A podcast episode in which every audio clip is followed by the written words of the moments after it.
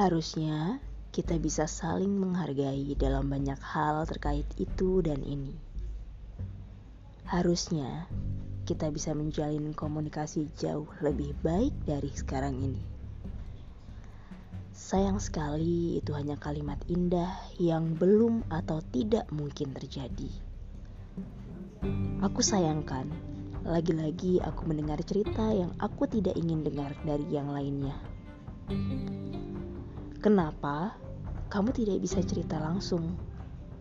Kenapa kamu memilih cara yang pada akhirnya buat kamu menjadi tidak ada nilainya?